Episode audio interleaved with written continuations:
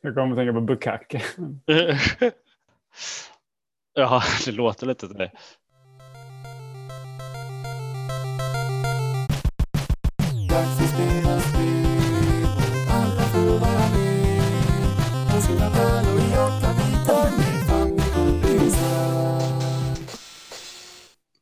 Hej och välkommen till Familjekompisar och våran spelcirkel. Denna gången har vi spelat Biomiracle Bukate Upa från eh, Konami och nu ska vi eh, köta lite om vad vi tycker om det. Följ med! Mårten, du valde ju det här spelet. Så kör igång. Varför valde du det? Och så vidare. Okej. Det var jag som valde det här spelet som eh, utkom 1988 och gjort av Konami som Per sa. Ehm, jag var lite nyfiken på det här spelet för att man har ju sett den här karaktären Upa lite andra Konami-spel, eh, lite retrospel. Han är med till exempel i Parodius-serien. De kommer till Europa också. Ja, ja, precis, några. Det finns, det finns ett gäng, så jag vet inte om alla kom, men en, en hel del. Eh, ett finns upp till NES till och med i Europa. Eh, och även då YY World är han ju med. Precis, Upa. där finns ju ettan och tvåan. Mm. Men de är ju Japan-exklusiva. Så jag tänkte så här, men den här, det här, jag har inte, det här spelet har, har inte jag spelat i alla fall. Eh, Biomiracle Bokuto Upa. Eh, men Konami verkar jag tyckte varit så gött att de ville, spon, de ville liksom promota den här karaktären väldigt mycket. Så det måste ju vara något uppåt väggarna. Och det var det ju också. Mm. Mm. Mm. Eh, Pontus Pokerface lyser igenom lite kan man säga. Ja. ja, men det var ju. Det var ju kanske förklarligt eh, att man inte har spelat idag. det, var, det var ju inte. Det är ju inte ett av Konamis bästa spel. Man styr en liten bebis som heter Upa som ska rädda sitt kungadöme. Eh, och till sin hjälp har man en magisk skallra som gör att fiender blåses upp och flyger iväg som ballonger. Så det är, ett- det är ett plattformsspel med en lite sån lite pusslig mekanik. Att man liksom kan få hoppa runt på fienderna, komma till olika plattformar och så vidare. Eh, tyvärr är det en mekanik som jag, jag tycker inte den utnyttjas så bra. Eh, det är i vissa Nej, fall. det är ju inte, det är inte så svårt. Nej, Man använder den till en sak och det är inte speciellt svårt att använda Nej. den till den saken. det, där jag tyckte den funkade bäst var ju typ sista bossen. Faktiskt. det, det var liksom anpassad efter det där. Men ja. Men man kan ju säga då att de två sakerna man kan göra, för jag hävdar att det är två saker. Eh, Du kan ju hoppa upp på fienderna när du har skallrat dem så de blåses upp som ballonger och använda dem som plattform som långsamt stiger. Ehm, Och sen så kan du också använda mm, fienderna som projektiler. Att hoppa du mot dem så kommer de flyga iväg i, i lite olika riktningar och de studsar mot väggar och sånt. Men det är ju också risken att man skadar sig själv för man är också liksom. Men det är egentligen den enda attacken man har. Man har alltså själva skallran i sig dödar ju ingenting. Jag tycker det är ga- ganska rolig mekanik, och, men nästan att den är att man, eh, att man dör av fienderna när de typ både studsar tillbaks på en och även om man missar och alltså när de exploderar så kan man också dö av dem. Det, att det är tar skada gör du, du dör Ja, inte. ta skada. Ja, precis. Ja. Det drar nästan ner så här experimentlustan med att man vill prova lite olika. Och att det Mm. kanske inte är, är lite långsamt liksom. eh, Så att, ja, det finns inte så mycket att utforska. Som man, hade hoppats. Nej, just det här med plattformarna hade ju kunnat öppna upp för ganska mycket så här hemliga utrymmen och sånt, men det verkar finnas ganska lite sånt. Det finns några så lite pusselaktigt som du var inne på, men i övrigt så är det Mm. ganska, ganska straight forward. Det känns lite så också att ibland så tror man att man har missat någonting. När man liksom, åh, det var bara den enda fienden på, den här, på det här området liksom. För att ta sig upp den här plattformen. Och så har man puttat iväg den. Och sen när man testar nästa gång, bara nej, det var bara skit i den där fyrkanten som låg där uppe. Det var liksom Mm. inte alls något kul. Nej. Så det är, men det är ju inte så spännande som man tror att det ska vara. nej, Nej, och sen är det väl lite som, som Mårten var inne på där, det är lite långsamt. Bebisen eller Upa då, han kryper ju hela tiden. Ja, men jag tycker inte det är så störigt ändå. Nej, men det känns lite slow, lite floaty eller vad man ska säga. Men så Ja. finns det ju en power-up så att han går på, på bakbenen. Eller vad, på, eller vad bebisar nu gör. Ja. Eh, och då går det ju lite mer normal, eh, Mm. vad ska man säga, plattformstempo. mm. ja, men det är nästan som att eh, det är lite så bubble bubbles fart på det. Men eh, det, Mm. det är liksom anpassat efter att vara lite mer så här pussligt och klurigt. Fast det Mm. kanske inte finns tillräckligt mycket pussel och klurighet. Nej, det var lite det jag kände också. Ja, men det är ju lite likt Bubble Bubble. Är det likt Bubble Bubble? Mekaniken, ja.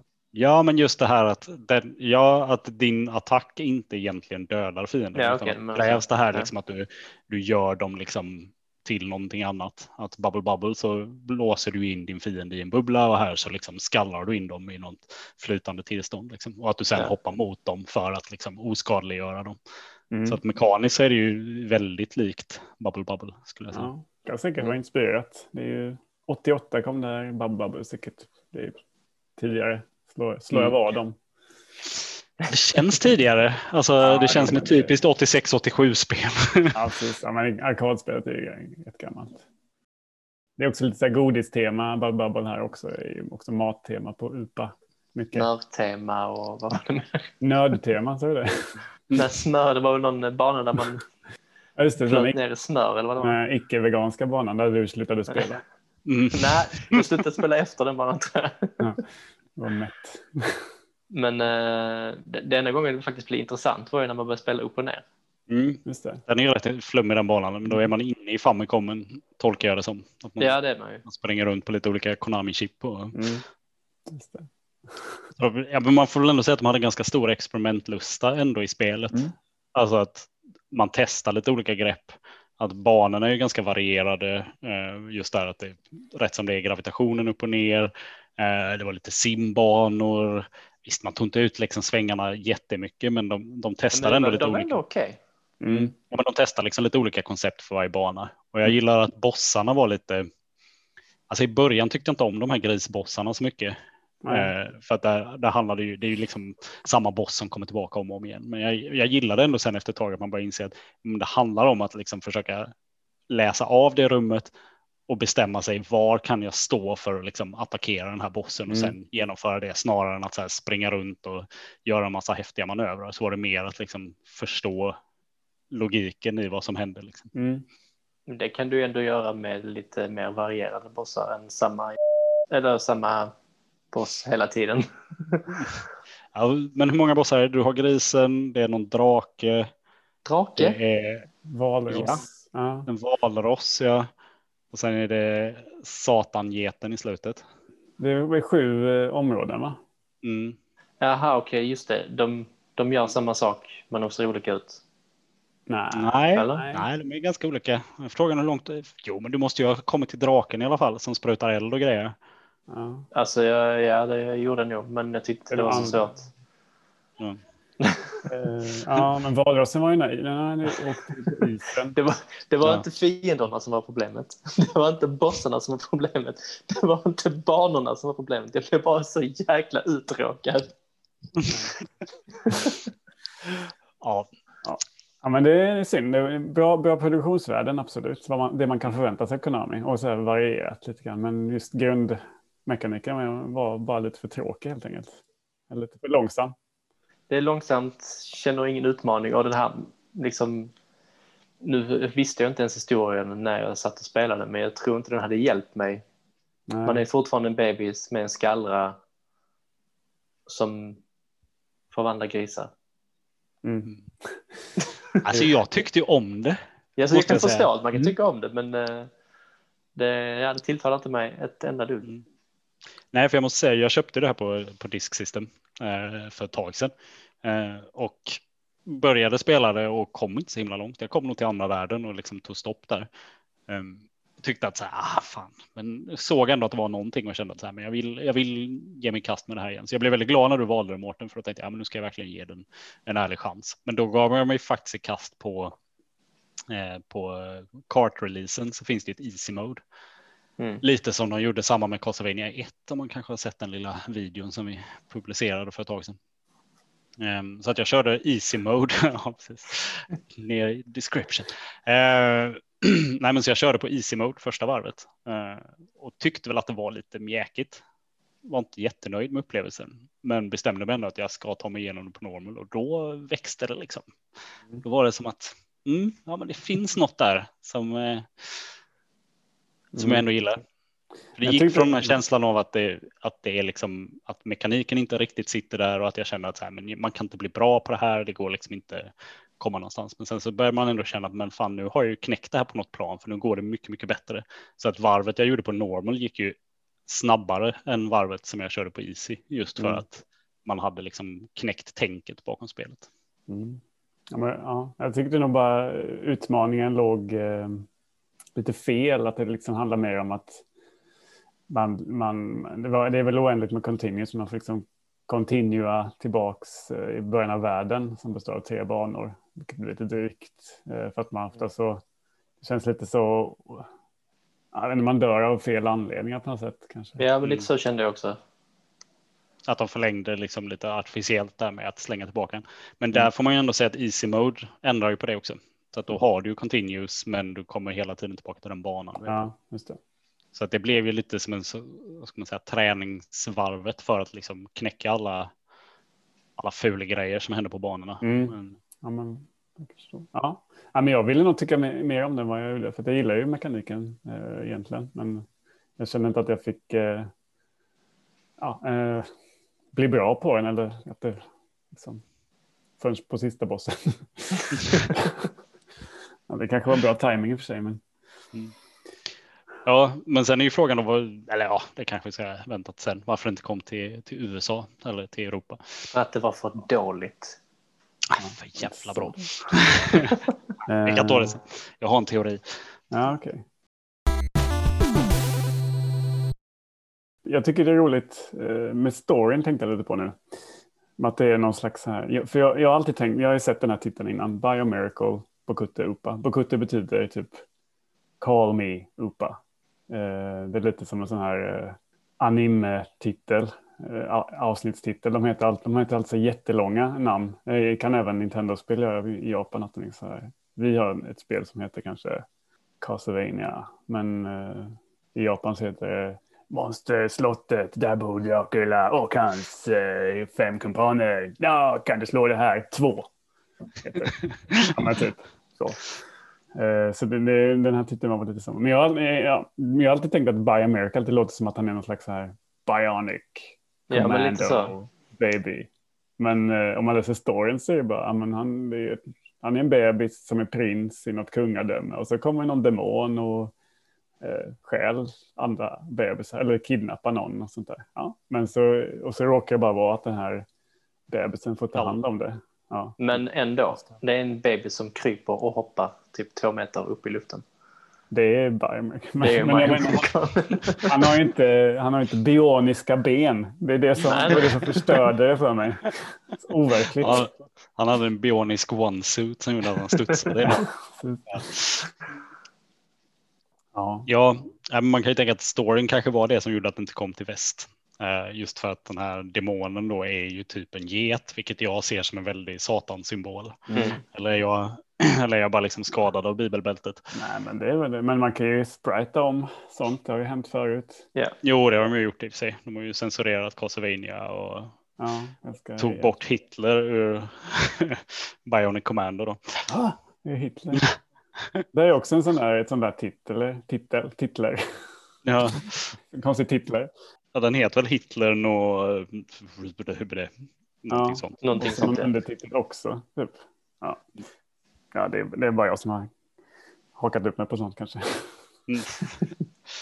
Nej, men jag misstänker i alla fall att jag, jag skulle säga att det är två anledningar till att det inte kom till väst. Eh, det här är ju gjort 88 och jag tänker när när liksom chippen hade de utrymmena för att kunna liksom porta det här till kassetter egentligen. Då var det ju så pass sent. Det kommer på kassett 92 eller 93. 93 till och med. Ja. 93 till och med. Eh, då kan man ju tänka att om Konami liksom skulle kommit ut med det här spelet i västvärlden, ja 93, då hade de ju liksom inte verkat, vad ska man säga, i framkanten med grafik och så. Så jag tror att det liksom låg lite för långt bak i deras katalog för att känna att så här, det här är inte något vi kan släppa nu. Liksom. Det, det var nog lite för daterat när det Mm. i så fall var aktuellt. Men Och de sen tror jag släppte också- ju spel eh, på kassett. Eh? Disksystemspel kom ju på kassett i Europa redan innan. Typ, ja, Metroid, Kid Icarus, de är ganska tidiga. Jo, det är i och för sig sant. Det är ju inte- Och Castlevania också från, Ja. från Konami. Då, ja. mm. Mm, så det kanske inte håller. Men man hade ju valt båda de spelen framför detta. Va? Ja. Ja, ja. Jo, jo. väl sett alla tre där samtidigt i alla fall. Det kan ju. Vad var din andra? Vad tror du var den andra eh, anledningen till att den inte kom? Nej, men det tror jag är just eh, estetiken med, med Satan. Ja, eh, Mm. Jag tror att det var nog lite magstarkt för i alla fall Nintendo of America att Mm. ha en liksom, getboss som Mm. insinuerar att Satan har någonting med den här bebisen att göra. Liksom. Mm. Det tror jag. En tredje anledning är ju att det sålde dåligt kanske. Gjorde det? Jo, det gjorde det. Det måste ha gjort för det är svindyrt att köpa. Så det, det är en anledning till att något är dyrt. Men det är Ja, ändå nej, kul om det nu har sålt så dåligt att det ändå är så återkommande i flera spel. Ja, precis. Men det Ja, är det- det jag inte fattar för det känns som att det är någon sån här riktig ikon som Mm. återkommer i flera spel men sen spelet är ju inte alls speciellt bra och storyn är inte heller jättebra. Ja. Varför är den så återkommande? Jag försökte kolla lite för i eftertexterna så står ju karaktärsdesignen står ju utskriven vem det är. Eh, Men det verkar inte vara någon som har gjort så mycket mer heller. Att det liksom, jag tänkte att det var en sån någon känd karaktärsdesigner. Som, det var, var det inte heller. Ja. Jag, jag försökte verkligen jaga ner varför, det här, varför de tyckte så mycket om det här. Men Ja, för jag kollade också runt en massa. Jag hittade inte Ja. heller. Alltså det kan ju vara någon så här intern story eller skämt på Konami. Mm, Alltså att det kanske är någon, någon tillverkare eh, eller skapare bebis som man skämtar om och gör ett spel och sen så ja, är det kul att ha den återkommande i några andra liksom. Men Ja. Precis, för vissa sådana eh, små skämt har ju liksom tidigare. Rare hade ju en sån. Eh, De hade ju Mr Pants mm, som var en sån liten skämtkaraktär som de hade med lite då och då. Och den fick ju ett eget spel sen till Ja. slut. Så det kan ju vara något liknande fast åt andra hållet då att nu har vi gjort det här skämtspelet eller som vi tyckte var ganska kul och så bara låter vi den karaktären leva vidare i andra spel. Ja, vad säger ni? Ska vi få ihop världens bästa spel nu då? mm. Är det dags? det är Ja. dags. Ska vi presentera hur listan ser ut nu? Jag kan den inte i huvudet. Men jag Jo, tror- jo, men jag kan den. Ja, Ta den, ner, ta den nerifrån. Ja. Längst ner så har vi eh, Mighty Final Fight. Vi har eh, Kung Fu 2 och sen så har vi Ghostbusters. yes. Det är de, de tre. Än så länge kommer vi ihåg den. Ja. Nu är, nu är det vad det här spelet ska in i den här listan. Mm. Vad ska det skohornas in? Ska vi, ska vi, är det, är det, vad tycker ni, är det bättre eller sämre än eh, Spartan X2? Jag tycker det är sämre. Jag tycker det är bättre. Oh, jag, jag vill också pla- placera det sämre faktiskt.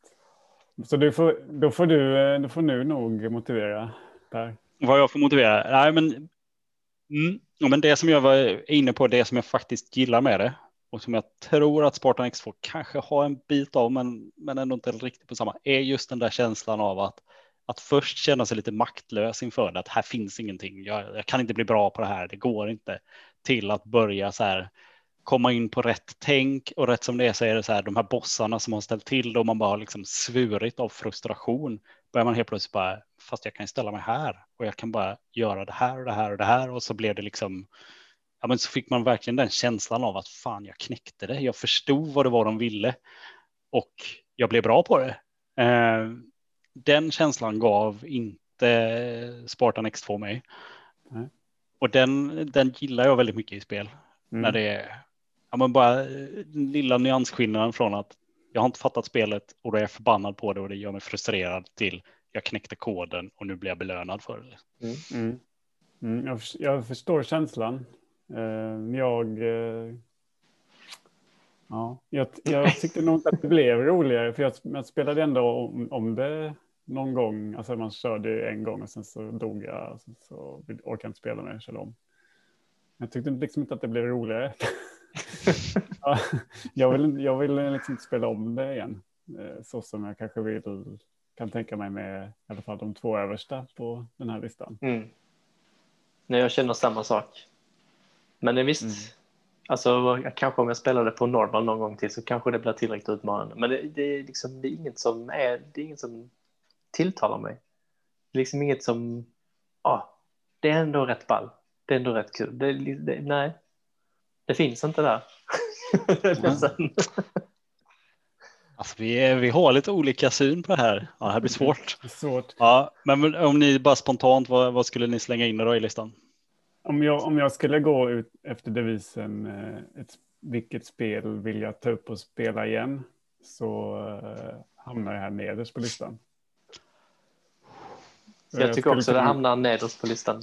Men jag kan absolut vara, eh, gå till mötes och lägga den mellan Final Fighter och eh, Spartan X2. Mm.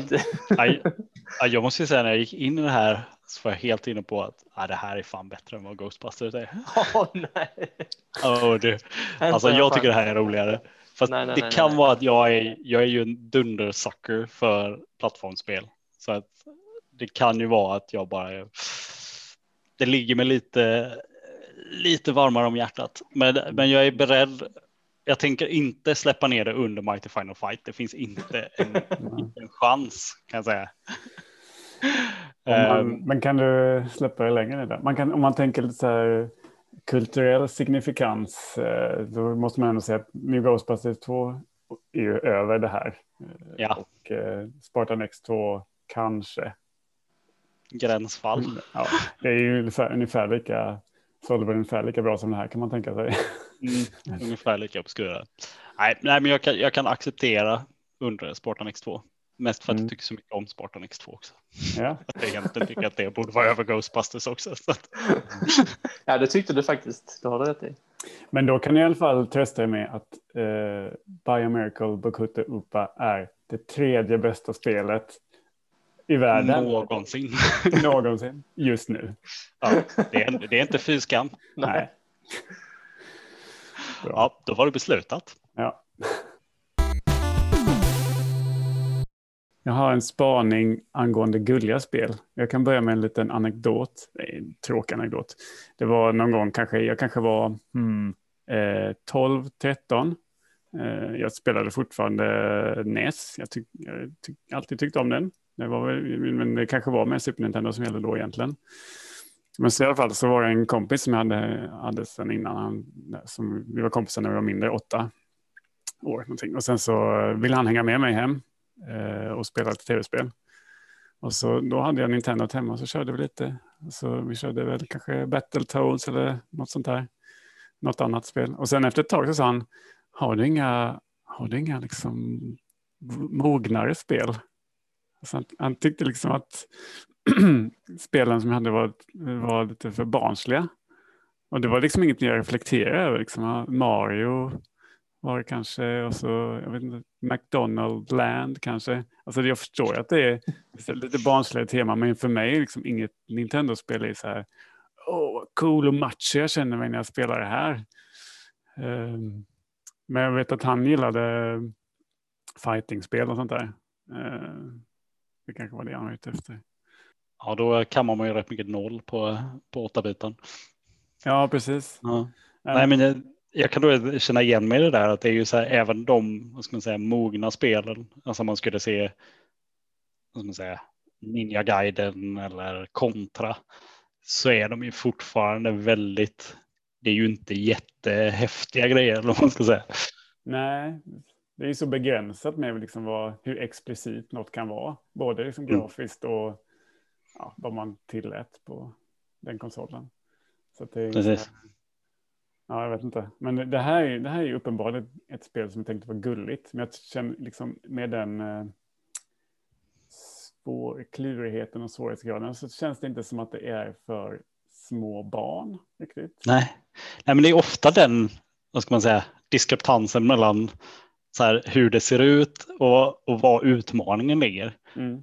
Många sådana här ja, men, gullig gullspel som är brutalsvåra liksom. Mm. Och sen så kan det ju vara ja, men, rätt råa spel som inte är så jäkla svåra. Ja, men, Ja. egentligen har ju ja, men Kung Fu 2 eller Spartan X2 då har ju ett mycket mer moget tema Mm. i att det är en riktiga människor och liksom Mm. våld och så. Men det är ju superenkelt i jämförelse med det här. Men det är väl inte så svårt ändå? Alltså om du ger det till en eh, sjuåring till exempel så skulle de ju kunna ta sig igenom det. Nej, nej, det är sant. Det, det kanske är Alltså om du tänk dig själv, du är sju år på vad var det nu det släpptes, 80, 88. Det här är det enda spelet du har. Du är jätteintresserad av att spela. Alltså det kräver ändå, man säga, jag tror att det var det som sabbade för mig när jag var liten och spelade spel som gjorde att jag inte klarade dem. Det kräver liksom ett tålamod och att så här komma ihåg på ett sätt som jag tänker kommer lite senare i, i, i liksom mognadsprocessen. Mm. Att så här, jag kunde aldrig klara bana tre på Castlevania eh, för att men jag kunde inte liksom. Jag kunde inte ha en plan för vad jag skulle göra när jag kom till bossen. Liksom. Men Castlevania är väl ändå ganska mycket svårare än det här spelet. Ja, det får jag hålla med om. Men jag tycker inte temat det passar för en sjuåring riktigt heller. Sju år, då har man ju börjat med, vill man ju ha Pokémon, det är lite mer action och grejer. Det här är ju mer, Precis. mer bebis. Ja, det här är ju mer. Fanns det Pokémon då? Nej, men du kanske Nej. kan, det kan ju vara någon mer så här kawaii-grej, liksom mer kulturellt Mm. eh. Mm. Ehm, Ja. Ja, det kan det också vara. mm. Ja, det är lite svårplacerat. Vem är egentligen målgruppen? Det är kanske det som blir liksom. Och det var kanske det som var spelets problem när det kom upp. Ja. Ja. Det är inte så vanligt, eh, eller ja, det kanske det är. För de sp- Konami-spelen som vi såg ser ju inte det här eh, ett så vanligt tema på dem. Det är ju mer eh, krig och science fiction. Muskliga män. Muskliga män, ja precis. Så, men det finns men Konami har ju gulliga spel också med Yume, Med Twinbee och ja, Yume Penguin. Ja. Yume Penguin och sånt där. Kid Dracula är väl också gulligt? Ja, precis. Mm. Precis. Så de har den ådran. Ja, där finns ju ändå ganska mycket likheter med Yume Penguin med, med jag tänker att en hel del assets används där med, med de här kakbanorna och sånt. Men det är väl ja, en side-note. Mm. Ja, det var bara att jag tänkte. Någon, jag rannsakade min, min historia som spelare. En sån töntig och barnslig gamer som inte fattar vad coolt det är. Ja. ja, men det var också konstigt. Vissa spel hamnar i någon slags mellanskikt. Om man Mm. tänker liksom Mega Man var ju ändå Mm. ganska coolt. Men det är ju supertöntigt. För det är Ja. ju liksom en blå liten robot som springer runt i sina trikåer. Liksom. Ja, men det är Eh, gulligt. Alla fienderna är ju ganska gulliga med ögon, Ja. stora ögon och sånt där. Men man hör ju sällan någon som klagade då att så här, ja men fan vad töntigt det här spelet är. Liksom. Mm. Att det var en Om det nu är så töntigt, klara det då. Ja, precis. Det var det som var. Man fick gråta och man liksom tjafsade mot Wiley där. Ja, Ja. ja det kanske var det som var. Mm. Nej, ja, men det är en konstig, för det, det finns ju inte riktigt idag, för nu är det ju så jättelätt att se på grafiken vem som är målgruppen. Mm. Men det var ju väldigt förvirrat där ett tag. Mm. Helt klart. säga. Ja. Mm. Ja, det blir ju någon slags sån här, Eh, efter den här vågen med 16-bits plattformsspel, när all, all, alla karaktärer och ting kan vara en plattformshjälte och vara det också. Det finns ju inget djur som inte har en plattformstitel. Liksom. Eh, så kanske det har blivit en viss mättnad och liksom misstänksamhet som ligger kvar. Och nu så kommer vi någonsin få den mättnaden av generiskt brunhåriga halvmuskliga män med lite skäggstubb. Då. Kommer det vara det liksom som nästa generation är skittrötta på? Eller? Pratar du om oss eller? Precis. Nathan Drake där borta. Ja. Nej. Vi får väl se om, de, om den ma- marknaden någonsin blir mättad. Mm. Nej.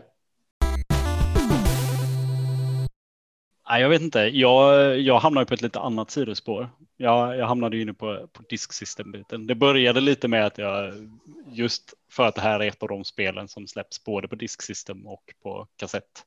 Eh, så började jag ju kika lite på ja, men vad, vad är skillnaden i ljudet för att det är ju en extra ljudkanal på, på Famicom Disk System. Eh, och jag måste säga att disk system ljudet, jag är inte säker på att jag tycker att det är bättre.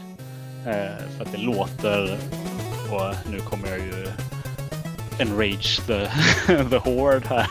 Men, men jag tycker att det låter mer som Mega Drive eller något, eh, liksom mer Segas ljud och jag tycker det låter för jävligt alltså. Det är, det är skränigt och skramligt och burkigt. Det låter som att någon är liksom, ja, det låter som allt bara hamnar i en plastburk liksom. Mm. Har du lyssnat på fler soundtrack än det här? Eh, som är Ja, som har på båda. Nej, det har jag faktiskt inte gjort.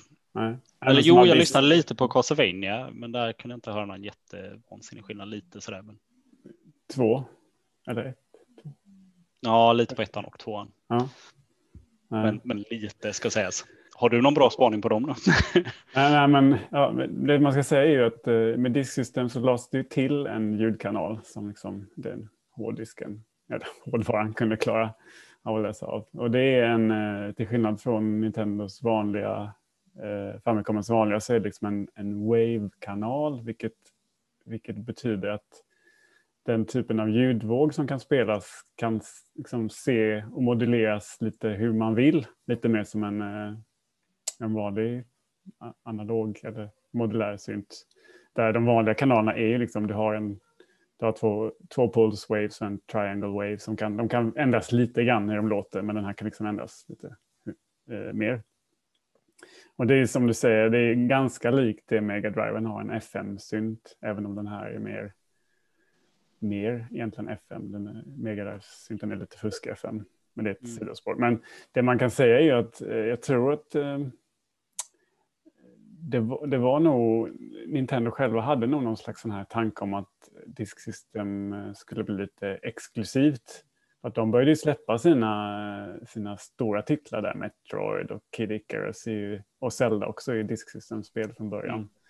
Och att den här ljudkanalen skulle liksom vara det som eh, var kronan på verket med ljudet.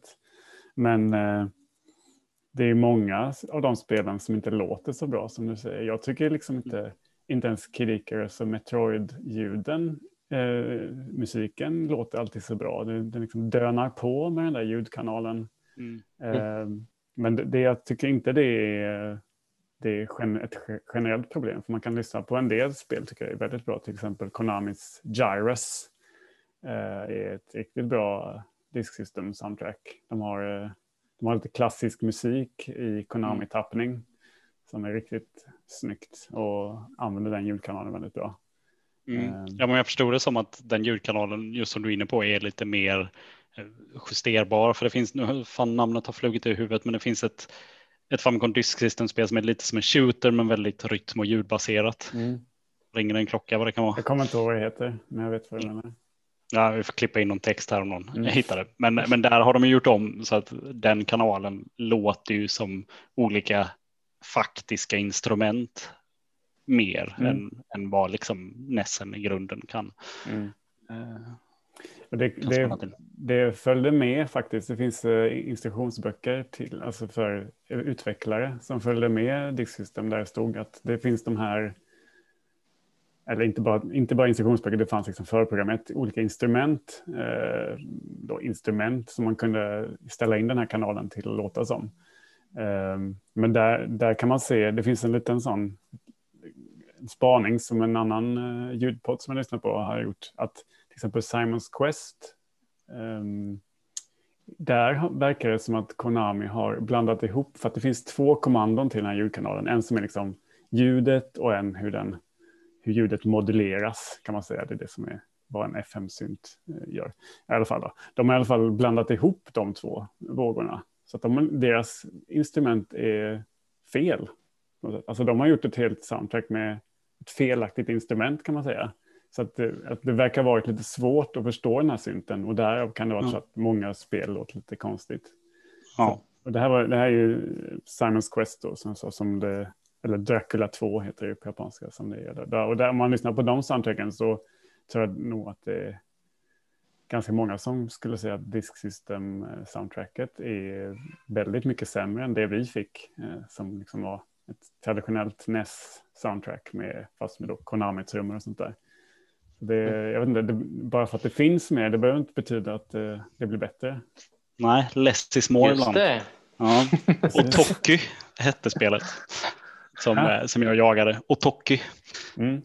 den här musikshootern, lite Mm. en prototyp av RES skulle man nästan kunna säga.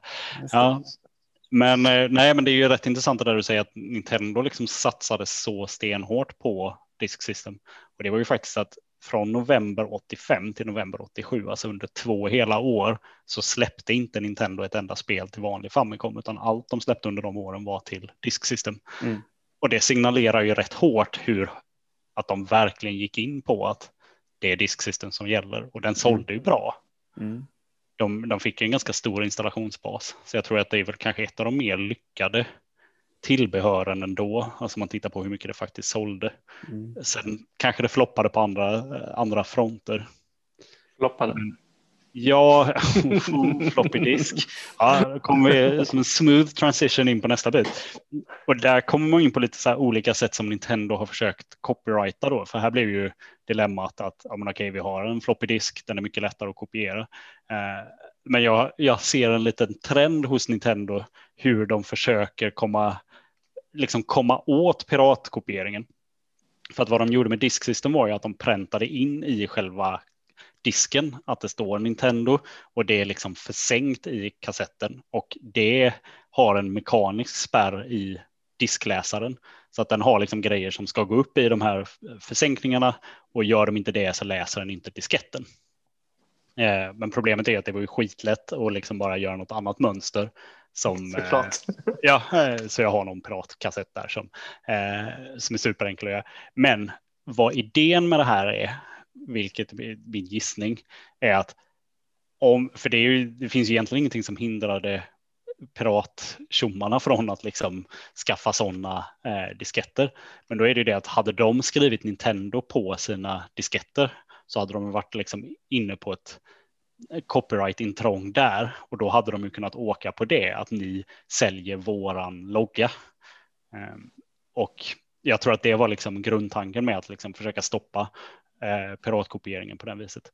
För de gjorde faktiskt en liknande grej med Gameboyen, vilket kanske inte är så jättekänt, men eh, det här när, när du startar Gameboyen så rullar ju Nintendo-loggan ner och det är ofta där Gameboy-spelet fryser om du har fått någon grafikglitch eller sådär på det. Då kommer du ju aldrig förbi den.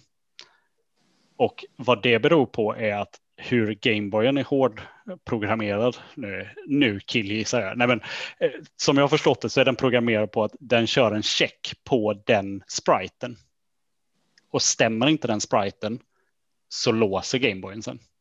Så att vad de tvingade folk var egentligen att ska du göra ett piratspel så måste du koda in Nintendo-loggan och då gör du ett brott. Mm.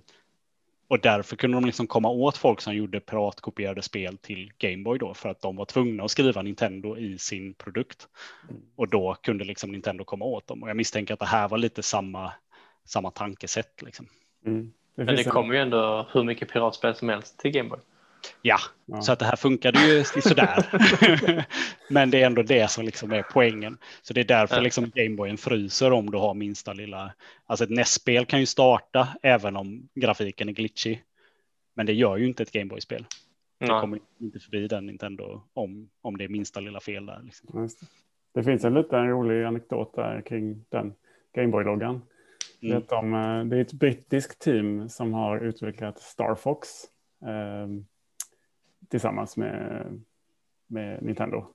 Eh, och det hur, hur Nintendo fick upp ögonen för dem handlar om ett Gameboy-spel som eh, det var en av de här då programmerarna som hade gjort ett, som hade någon Gameboy-demo som de skulle visa på någon mässa. Och då bara för skoj så hade de lyckats, de hade lyckats eh, slå den de hade lyckats ta in sin egen logga i, i den. Nintendo-grejen. På något sätt så hade de listat ut vad det var den kollade. Så när den här Nintendo, han som, han som skulle kolla på spelet, när han såg det, då blev han liksom imponerad av att de hade lyckats klå deras piratkopieringsskydd. Så att liksom så de kom in i, i loopen där. Sen så, vad det Gameboy-demot var, det blev inget spel av det liksom. Men, men Men då kom förbi den. Ja, men det är ett av de här som hackade NASA i början som sen Mm. blir anställda som ja, säkerhetsexperter. Liksom. Ja, Ja. det är bra. Man ska busa. Det är bra. ja, det ska man göra. Det kan, eh, kan belöna sig. Mm. Ja. Nej, och sen så hade jag ju en annan gammal trött spaning här då om, eh, om just Famicom Disk System och lite historien bakom den. Eh, för det finns ju även eh, några få tillfällen där Nintendo har låtit andra företag göra konsoler åt dem. Eh, och det finns ju eh, till exempel så har du ju Panasonic Q som är GameCuben med DVD-spelare och det var ju efter om jag fattar så är det här någon kvarleva efter deras försök att göra ett, ett disk eh, eh, add-on till, eh, till eh. Nej, fan det är ju Philips som gjorde CDin. Ja, jag är helt ute och cyklar. Om? ja. Ja, men eh, Philips skulle göra den, men så fick Panasonic göra den. Ja, skitsamma, det, det hade tydligen inte med någonting att göra. Men, men Sharp fick ju göra en jävla massa konsoler ändå. Eh, de fick ju göra Twin Famicom då, som är den jag tänkte jag skulle kika på. Och det finns ju en historia varför de fick göra Twin Famicom i alla fall. Eh, och varför Nintendo i all sin promotion för Famicomen använder Sharp tv-apparater. Och det är att Sharp hade patentet på ordet Famicom. Eh, och ska man liksom förstå lite var det här ordet kommer ifrån så är det liksom en, en ihopbakning av Family Computer. Eh, och det gör man ju ganska mycket i japanskan. Nu är jag verkligen ingen eh, eh, ingen Japan-expert här, men som till exempel då Family Computer blir Famicom, eh, Pocket Monsters blir som vi känner igen Pokémon. Så att det här är ett ganska liksom vanligt fenomen att liksom banka ihop eh, engelska ord eh, till, till liksom ett, eh, ett japanskt på något vis. Eh, men eh, grejen var då att Sharp hade gjort en jävla typ mikrovågsugnsliknande grej som då hette Family Convection Oven eller något sånt här. Som då också bakas ihop till Famicom. Men det råkar ha då samma tecken som Famicom. Som att göra Famicom. Så att Sharp ägde då liksom, vad ska man säga, patentet på det här. Um, och det handlade om att det också var typ registrerat som hemelektronik. Vilket då gjorde att det hamnade i samma kategori som ja, Famicomen. Mm. Um, så det här blev liksom en deal mellan Nintendo och Sharp att Nintendo fick köpa loss det här patentet till slut efter mycket om och men. Um, och men då var nog dealen att Sharp fick göra sina egna konsoler och ja, fick även göra lite tv-apparater med Super Nintendo och slots och sådär som Mm. dök upp sen. För Super Nintendo heter ju Super Famicom. Det står ju Precis. med det på. Mm. Så där, där använder de ändå. Men liksom Nintendo var ändå ganska vad man säga, motvilliga att använda Famicom. Mm. Utan även om alla sa det så, så skrev de alltid ut Family Computer. Mm. Mm. Och det var Ja. väl lite, De fick nog inte det. Men Twin Famicom heter ändå Famicom? ja, ja men då var det ju Ja. Sharp som gjorde Det det. är precis. Mm. Och det ser man också i splash-screenen där. Eh, att Nintendo har, om du har liksom det tillbehöret, då står det Nintendo eh, när du laddar disketten. Medan om du har en eh, Twin Famicom så står det Famicom. Mm. Så att de har ändrat lite olika där. Så det, det finns liksom två operativsystem för Famicom disksystem. Mm. Coolt. Men då kan jag köra full cirkel till GameCuben också då, eftersom jag började där med jävla Panasonic Q-grejen som jag var helt ute och cyklade. Eh, men det är ju ett ljud i bakgrunden om, ni, om man bara liksom startar GameCuben utan skiva eller med öppen lucka. Mm. Så har ni när den här lilla lila grejen snurrar och håller på. Då hör man ju liksom Är den? Ja, nej, inte den, utan den som är sen som bara är någon sån där. Man bara hör lite toner i bakgrunden väldigt, väldigt långsamt. Speedar man upp det så är det gingen som är i Famicom Disk System. Så den är liksom som en liten Easter där. Men den tar typ så här tre minuter att höra eller något sånt där. Alltså den är sjukt långsam. Säger de också, om man spelar baklänges så säger de Shigeru is dead. All hail Satan. Ja. Mm. Lyckas jag säga något som inte Mårten visste? Den GameCube-grejen där var ju... Ja. Ja, men det, den har du väl också hittat på? Så. ja. Nej, den, har jag faktiskt sett, fast, men jag har glömt bort den igen. Men nu, nu när Per sa det så kommer jag ihåg att jag har fan med sett en, eh, en YouTube-video om det. Mm. Mm. Ja, coolt. coolt. Mm. Det får vi klippa bort. Precis. Ja. Nej, men de köpte ändå rätten till Famicom redan 1985 så att det var nog ändå rätt snabbt eh, överstökat. Men den jävla ugnen är från 79 typ så det var ändå sex år där som de hade. Fast det vill säga det var 83 de lanserade Famicomen. Ja, nej, det kan inte varit ett jätteproblem i alla fall.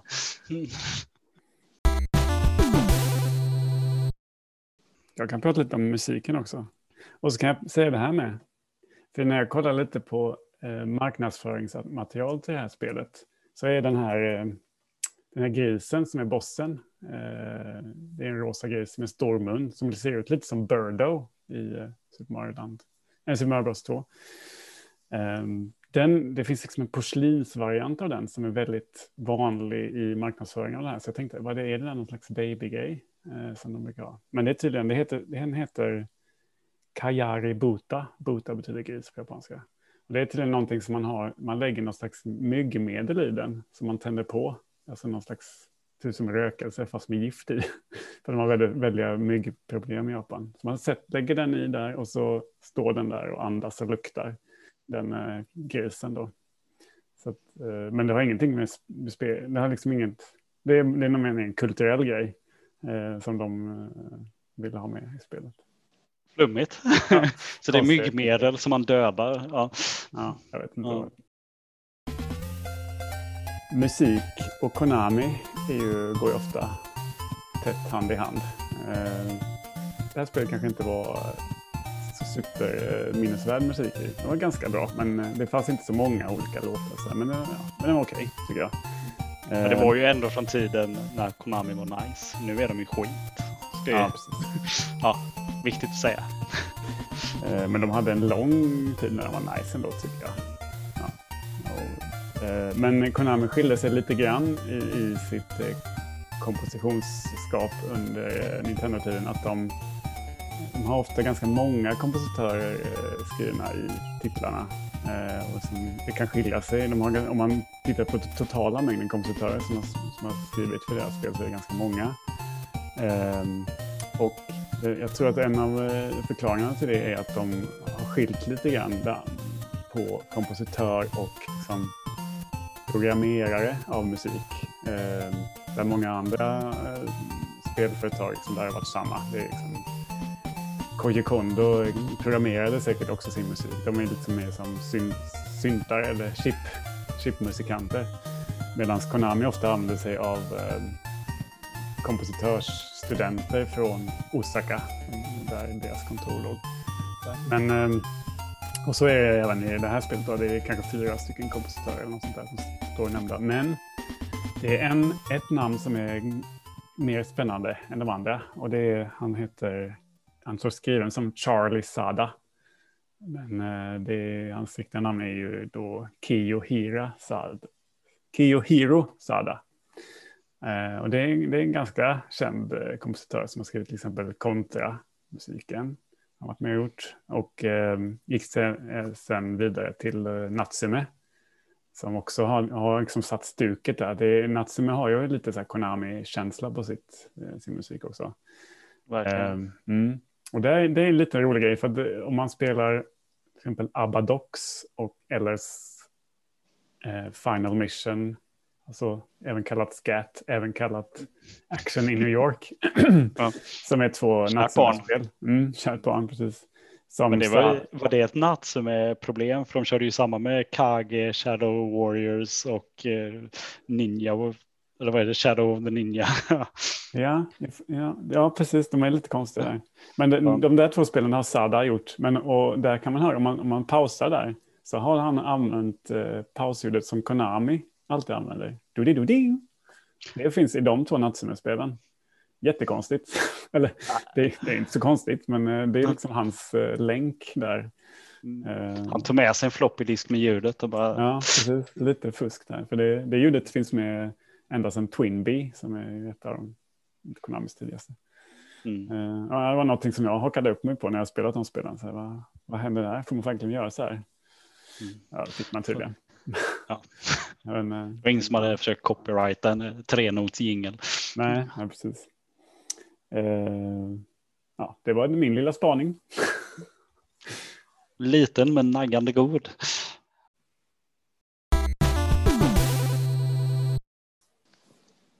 Idag så tänkte jag lista tre andra gulliga Konami-spel som jag hellre spelar.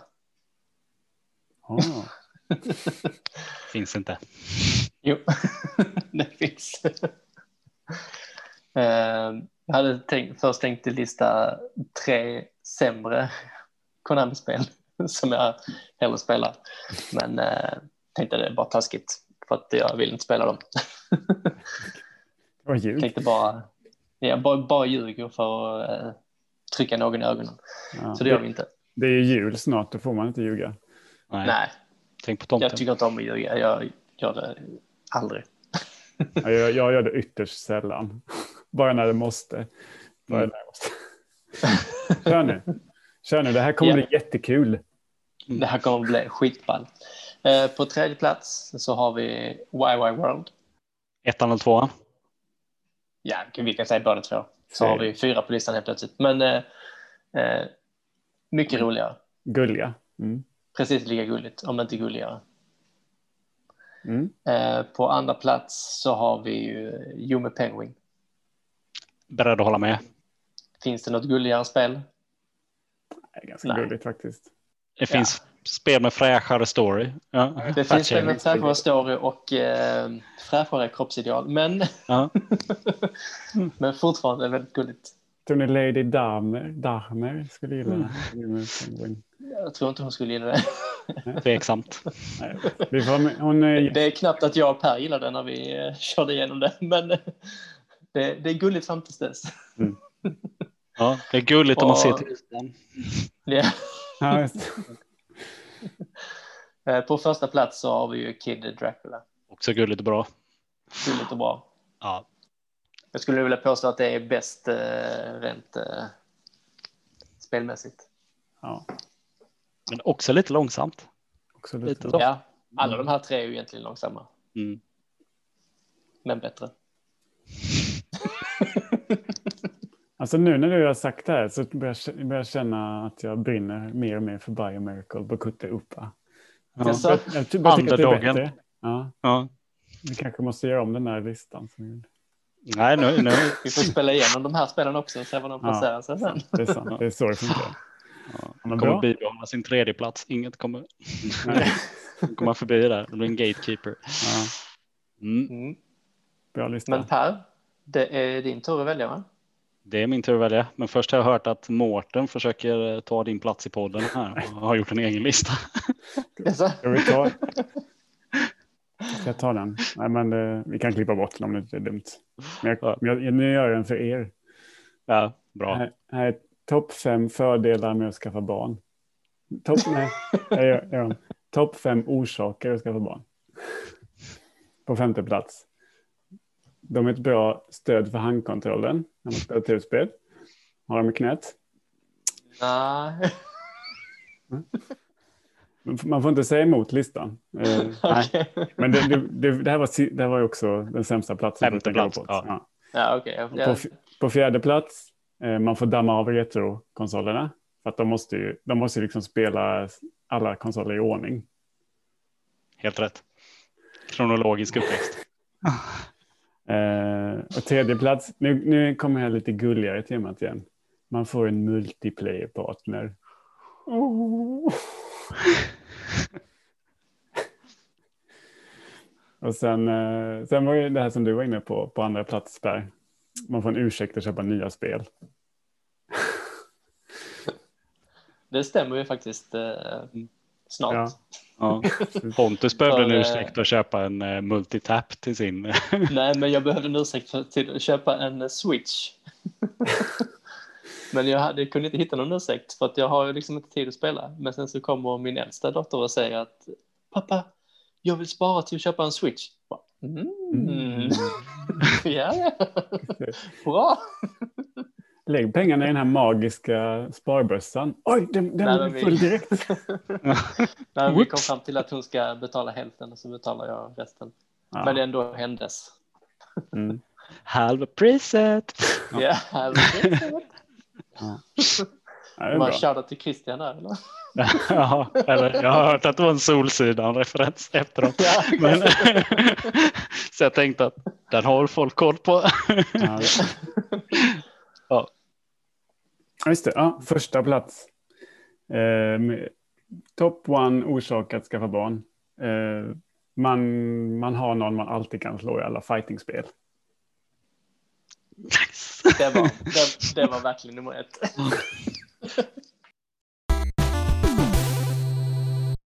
Eh, Nästa spel Per, är det väl du som väljer? Ja, det har gått, eh, gått ett extra varv nu. Eh, jo, men jag tänker att vi behåller oss lite på Konami. Vi är inne på Disk System Och vi är inne på eh, lite wonky mekaniker. Så vi ska köra, och nu måste jag fan läsa till alltså. Eh, Meikyu Jin Dababa. Mm. Låter ju grymt. Ja. Det, det närmsta är väl att beskriva det som platt eller Star Tropics pussel. Ish. Mm. Va? Ja, Say no more, say no more. det är en given. Ja. Ja, så den ska vi eh, ge oss kast med. Ja, spännande. Det kommer ett timmes avs avsnitt handla om hur man tolkar titeln tror jag. Eller? Ja. hur Någon- man säger måste, titeln. vi måste ringa upp Christian och så får han liksom Ja. Förklara det. ja, låta, låta läpparna uttala det här korrekt. ja, men det fixar vi nästa vända. Mm. Så tills dess får ni ha det gott. 打爸爸，打爸爸，打爸爸。